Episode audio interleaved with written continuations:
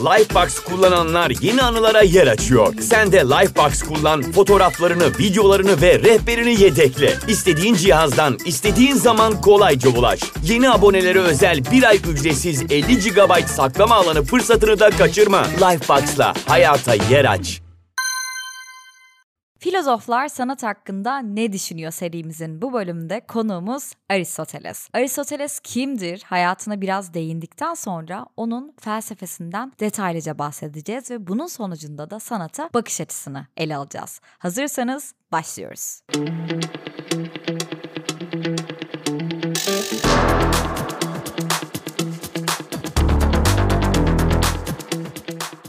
Stagiralı olarak da bilinen Aristoteles, biz ona kısaca Aristo diyeceğiz. Milattan önce 384'te doğuyor arkadaşlar. Babası Makedonya kralı 2. Amintas'ın saray hekimi olan Nikomakos'tu.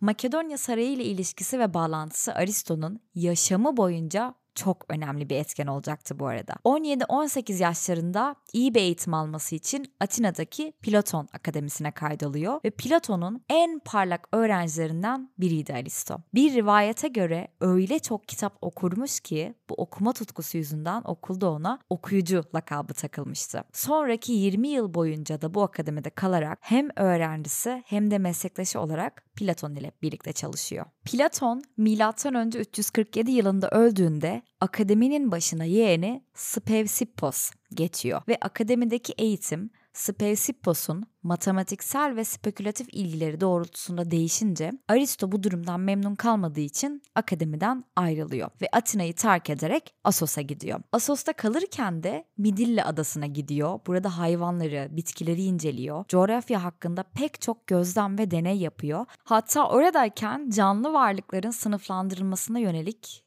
pek çok araştırma yapıyor. Bu araştırmasının sonucu günümüzde de hala kullanılıyor. Midilli adasındayken Asos'un tiranı olan Hermias'ın kızı Pütiyas'la evleniyor. Milattan önce 343'te Makedonya kralı Filip Aristo'yu yanına davet ediyor. İleride Büyük İskender olacak oğlu için bir eğitmenlik yapmasını istiyor ondan. Akabinde de bir süreliğine Mısır'a gidiyor. Burada da yine kral olacak Kassandra ve Ptolemaos'a ya da Ptolemaios nasıl okunduğunu bilmiyorum. öğretmenlik yapıyor. Ve Filip'in ölümüyle M.Ö. 335 yılında İskender Makedonya kralı olduğunda Aristo Atina'ya dönüyor ve kent merkezine yakın bir yer olan Likeon'da bir felsefe okulu kuruyor. Aristo burada tam 12 sene boyunca ders veriyor. Hatta eski zamanların ilk büyük kütüphanesini burada kuruyor. Eşi Pütiyas öldükten sonra da Herpulis adında bir kadınla evlilik yapıyor ve bir oğlu oluyor. Ona da babasının adı olan Nikomakos adını veriyor. Milattan önce 323'te Büyük İskender'in ölmesiyle Atina'da Makedon karşıtı bir tepki dalgası oluşuyor ve Makedon olan Aristo dine saygısızlıkla suçlanıyor. Bunun üzerine Aristo Sokrates'in yazgısını paylaşmak yerine Atina'yı terk ederek annesinin memleketi olan Helke'ye sığınıyor ve yaşamının kalan kısmına da burada geçiriyor. Milattan önce 322 yılında da yani 62 yaşındayken de hayatını kaybediyor. Aristo felsefeye yaptığı katkıları sayesinde en büyük antik çağ filozofları arasında yerini alıyor. Felsefe pratiğini 3 bölüme ayırıyor. Teorik, pratik ve teolojik. Teorik felsefede mantık, doğa felsefesi, fizik, kozmoloji, biyoloji ve dilin doğru kullanımları gibi konuları ele alıyor. Pratik felsefede arzular, erdemler, davranışlar, mutlu yaşam, etik ve devlet gibi konuları yer alıyor. Teolojide ise varlığın temellerinin, şeylerin özünün, gerçekliğin kendisinin yani Tanrı'nın araştırılmasını ele alıyor. Biz en temel olarak mantık, erdem ve metafizik hakkındaki felsefesine odaklanacağız. Aristo az önce bahsettiklerim gibi birçok farklı konuya odaklanmasına rağmen felsefe dünyasına ve batı düşüncesine en önemli katkılarından biri kurmuş olduğu mantıktı. O mantık biliminin yaratıcısıydı. Ona göre öğrenme süreci kuramsal, pratik ve üretken olmak üzere üç farklı kategoriye ayrılıyordu. Ancak mantık bu kategorilerden herhangi birine dahil değildi. Çünkü mantık bilgi edinmek için kullanılan bir araçtı. Bu nedenle de öğrenme sürecinde ilk adımın ta kendisiydi. Mantık yanlışları keşfetmemize ve doğruları saptamamıza olanak sağlardı. Analitika Proterra yani birinci analitik adlı eserinde tasım ya da kıyas denilen iki mantık kavramını tanıtıyor Aristo. Bu kavram zamanla mantık alanında yapılmış en önemli katkılardan biri haline geliyor. Peki nedir bu tasım? Aristo tasımı belirli ön kabullerden yeni bir şeyin, bir sonucun zorunlulukla çıktığı söylem olarak tanımlıyor. Yani tasım nedenini içinde taşıyan bir yargıya varmak. Sözü edilen neden de orta terimle ifade ediliyor. Buna göre yani Aristo'nun tasımına göre bir büyük önerme, bir küçük önerme, bir de sonuç vardır. Örneğin tüm insanlar ölümlüdür diyorum. Burada büyük bir önerme var değil mi? Aristoteles bir insandır. Burada da küçük bir önerme var. Aynı zamanda orta terimdir bu. Öyleyse Aristoteles ölümlüdür. Burada da sonuç var. Ancak Aristo daha sonra geçerli bir çıkarım yapılabilmesi için bazı kurallar getiriyor bu önermelere. Peki nedir bu kurallar? Birincisi önermelerden en az biri tümel olmalıdır. Yani var olan her şeyi kapsamalıdır. İkincisi önermelerden en az biri olumlu olmalıdır. Üçüncüsü ise önermelerden biri olumsuzsa sonuç da olumsuz olacaktır. Örneğin olumsuz bir önerme yapalım hemen. Hiçbir kedi balık değildir. Burada olumsuz bir önerme var. Balina bir balıktır. Burası orta terim ve olumlu bir önerme var. Öyleyse hiçbir kedi balina değildir. Bu da olumsuz bir sonuç. Aristo belirli bilgilerin gelişimini teşvik etmek için modern döneme kadar bu alana damgasını vurmuş bu mantık biçimini yani tasım yöntemini geliştiriyor ve doğru düşünme kurallarına ilişkinde teoriler üretiyor. Gelelim metafizik kısmına. Aristo, Platon'un öğrencisi olmasına rağmen felsefi benzerlikleri kadar farklılıkları da vardı. Örneğin o Platon'un idealar kuramını reddediyordu. Platon bölümünde idealar kuramından bahsetmiştik hatırlayanlar vardır belki. Bu kurama göre daha doğrusu Platon'a göre dünyadaki nesnelerin gerçek varoluşları zihinsel olarak kavranabilen saf, evrensel ve değişmez idealar adlı verilen formlarda bulunuyor. Yani idealar maddi dünyada gördüğümüz nesnelerin arkasındaki gerçek ve kalıcı varlıklardır. Örneğin bir çiçek düşünün, güzel bir çiçek ve çiçeğin güzel koktuğu ideası var değil mi ortada? Ancak bu çiçek solup gittiğinde veya ortadan kaybolduğunda bizim aklımızda hala onun güzel olduğu örneği var. İşte bu idealar kuramına bir örnek. Ancak Aristo bu noktada metafiziğinde neyin gerçekten var olduğu sorusunu ele alıyor. Ona göre metafizik tam da buydu aslında. Var olanı var olmak bakımından ele almak, var olan bir şey olmanın ne anlama geldiğini araştırmak. Onun metafiziği de büyük ölçüde mantık konusundaki görüşlerine ve biyoloji alanındaki çalışmalarına dayanıyordu. Platon için bilginin yetkin örneği matematikti çünkü o bir matematikçiydi. Aristo'da ise bilginin örneği biyolojiydi. Matematikte yetkin ama cansız nesneler ele alınıyor. Oysa ki biyolojide yetkin olmayan fakat canlı nesneler ele alınıyor.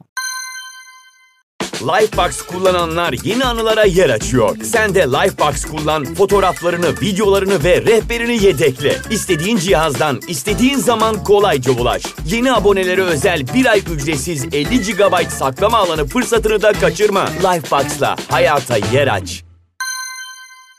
Bütün bunlara göre Aristo'da var olmak kavramı hakkında konuşulabilecek ve tam olarak tanımlanabilecek bir şey olmak. Bu yüzden onda gerçekten var olan Platon'da olduğu gibi tümeller değil, bireylerdir.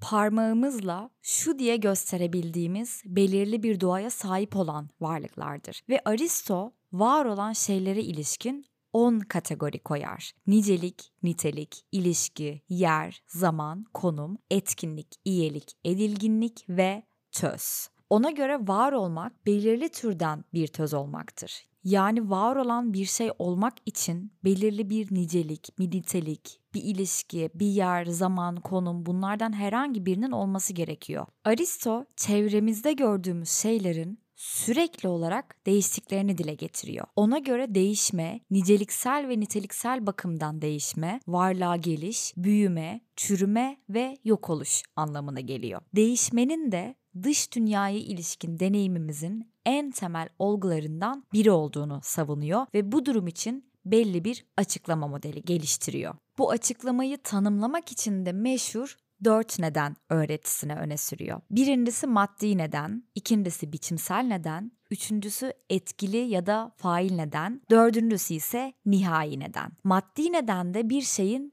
neyden oluştuğunu açıklıyor. Örneğin elinize bronz bir heykel aldığınızı düşünün. Bronz heykelin malzemesidir değil mi? Kendinden yapılmış olduğu bir şeydir. İşte bu durum heykelin maddi nedeni. Biçimsel neden ise bir şeyin hangi biçimi aldığını açıklıyor. Heykel örneğimi düşünün. Onu diğer heykellerden, diğer nesnelerden ayıran bir şekle sahiptir. İşte bu onun biçimsel nedenidir. Etkili neden de bir şeyin nasıl bir süreçle varlık kazandığını açıklıyor. Heykeli yapan ona şekil veren yani onu yaratan bir heykeltıraştır sonuçta değil mi? İşte bu onun etkili nedenidir. Nihai neden de ise bir şeyin hangi amaca hizmet ettiğini açıklıyor. Yani heykeli hangi amaçla kullanıyorsunuz? Evinizde bir dekor ürünü olarak mı? İşte bu durum da onun nihai nedenidir. Aristo'ya göre doğanın tümü bu dört nedenin işleyişleri yoluyla gerçekleşiyor, gelişiyor, değişiyor ve varlık kazanıyor ya da varlığını yitiriyor. İşte bu noktada da Aristo'nun metafiziği ve bilim felsefesi Platon'unkinin aksine teolojik bir renge bölünüyor. Çünkü nedensel zincirler sonsuz olamaz. Dolayısıyla bir ilk neden bulunmalıdır. Yani bir şeyin varlık kazanabilmesi için ya da bir hareket halinde olması ya da bir değişime uğraması için bir ilk neden olmalıdır. İşte Aristo da bu ilk nedene hareketsiz hareket ettirici diyor. Her şeyin nedeni olan hareketsiz hareket ettirici, etkili, maddi hatta biçimsel bir neden olamaz. Çünkü bunların hepsi var olan şeylerin içinde bulunuyor zaten. Doğal varlıklarda bir hareket ilkesi vardır değil mi? Örneğin bizleri düşünün ya da kuşları düşünün. Kuşlar uçar, karıncalar yürür. İşte bunun nedeni onların doğalarında bir hareket ve değişme eğilimine sahip olmalarıdır canlı varlıklar zaten hareketlerini belli sınırlar içinde kontrol ederler. Peki ya cansız varlıklar? İşte Aristo'ya göre cansız nesneler de kendilerinden belli bir doğrultuda hareket eder. Örneğin bir taşı attığımızda aşağı doğru düşebilir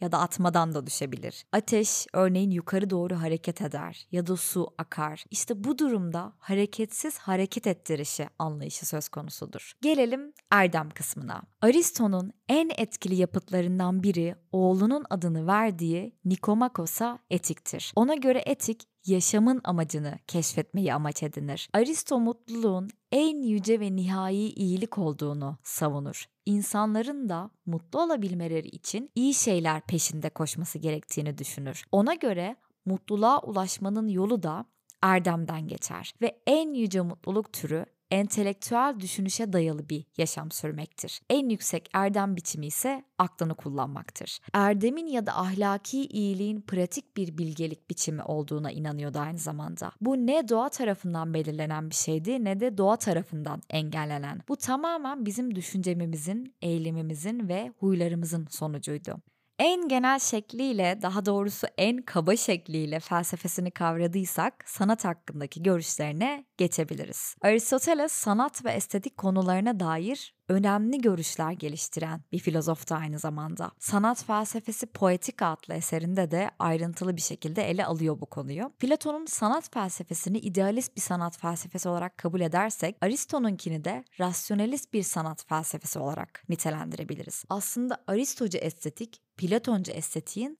daha sistemli bir hale getirilmiş halidir. Aristo ne de olsa bir sistem kurucu öyle değil mi? Onun sanat tanımı da sanat ve doğa, sanatsal iyilik ve güzellik gibi pek çok konuyu bünyesinde barındırıyor. Aristo'ya göre sanat, akıl tarafından belirlenen amaçların varlık olarak gün yüzüne çıkmasını sağlayan bir yapma veya yaratma yetisidir. Ve bu sanatsal yaratımda doğa ve sanat aracılığıyla zihinde canlandırma ve imgelem gibi edimler üzerinde durur. Ve bunların gerçeklik kazanmasının yolları araştırılıp gösterilir. Yani sanat insanların gerçekleri anlama, ifade etme ve taklit etme yeteneğinden doğan bir faaliyette ona göre. Aristoteles genel hatlarıyla sanatı değerlendirmede bir noktada Platon'un görüşünden ayrılıyor. Platon'da ne demiştik? Ona göre sanat yapıtları birer taklitten ibaretti ve aslında tehlikeli olabilirdi. Özellikle tragedya sanatının tutkuları beslediğini ve körüklediğini, bu yüzden de hakikati arayanı yanıltı katabileceğini belirtmişti.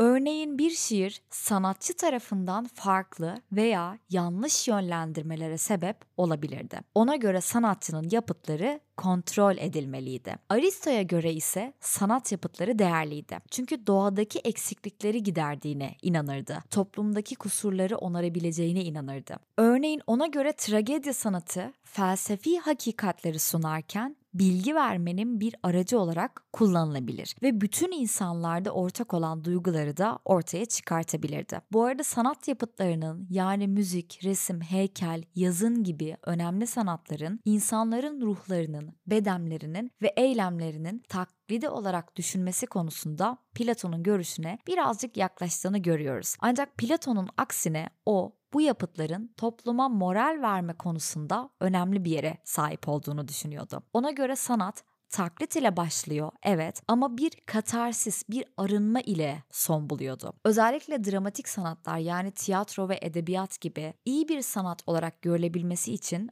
onların birer katarsis etkisi yaratması gerekiyordu. Aynı zamanda sanat eserlerinin gerçeklikten farklı olabileceğini ve gerçek dünyadaki olasılıkları ifade etmesi gerektiğini savunuyordu. Sanatçının yaratıcılığı da eserlerin olasılıklara dayalı bir şekilde tasarlanmasını sağlıyordu. O, sanatın insan doğasının mükemmelliklerini ifade etmek için iyi bir araç olduğunu düşünüyordu. Sanat eserleri insanın doğasındaki güzellik, erdem ve mükemmellikleri yansıtarak insanların bu yönlerini anlamalarına yardımcı olabilirdi. Aristoteles'in sanat anlayışı antik Yunan döneminden günümüze dek estetik teori ve sanatın doğasını anlama konusundaki tartışmalara da zemin hazırlamıştır aslında. Bir sonraki bölümde görüşene dek kendinize güzel bakın, sanatla kalın.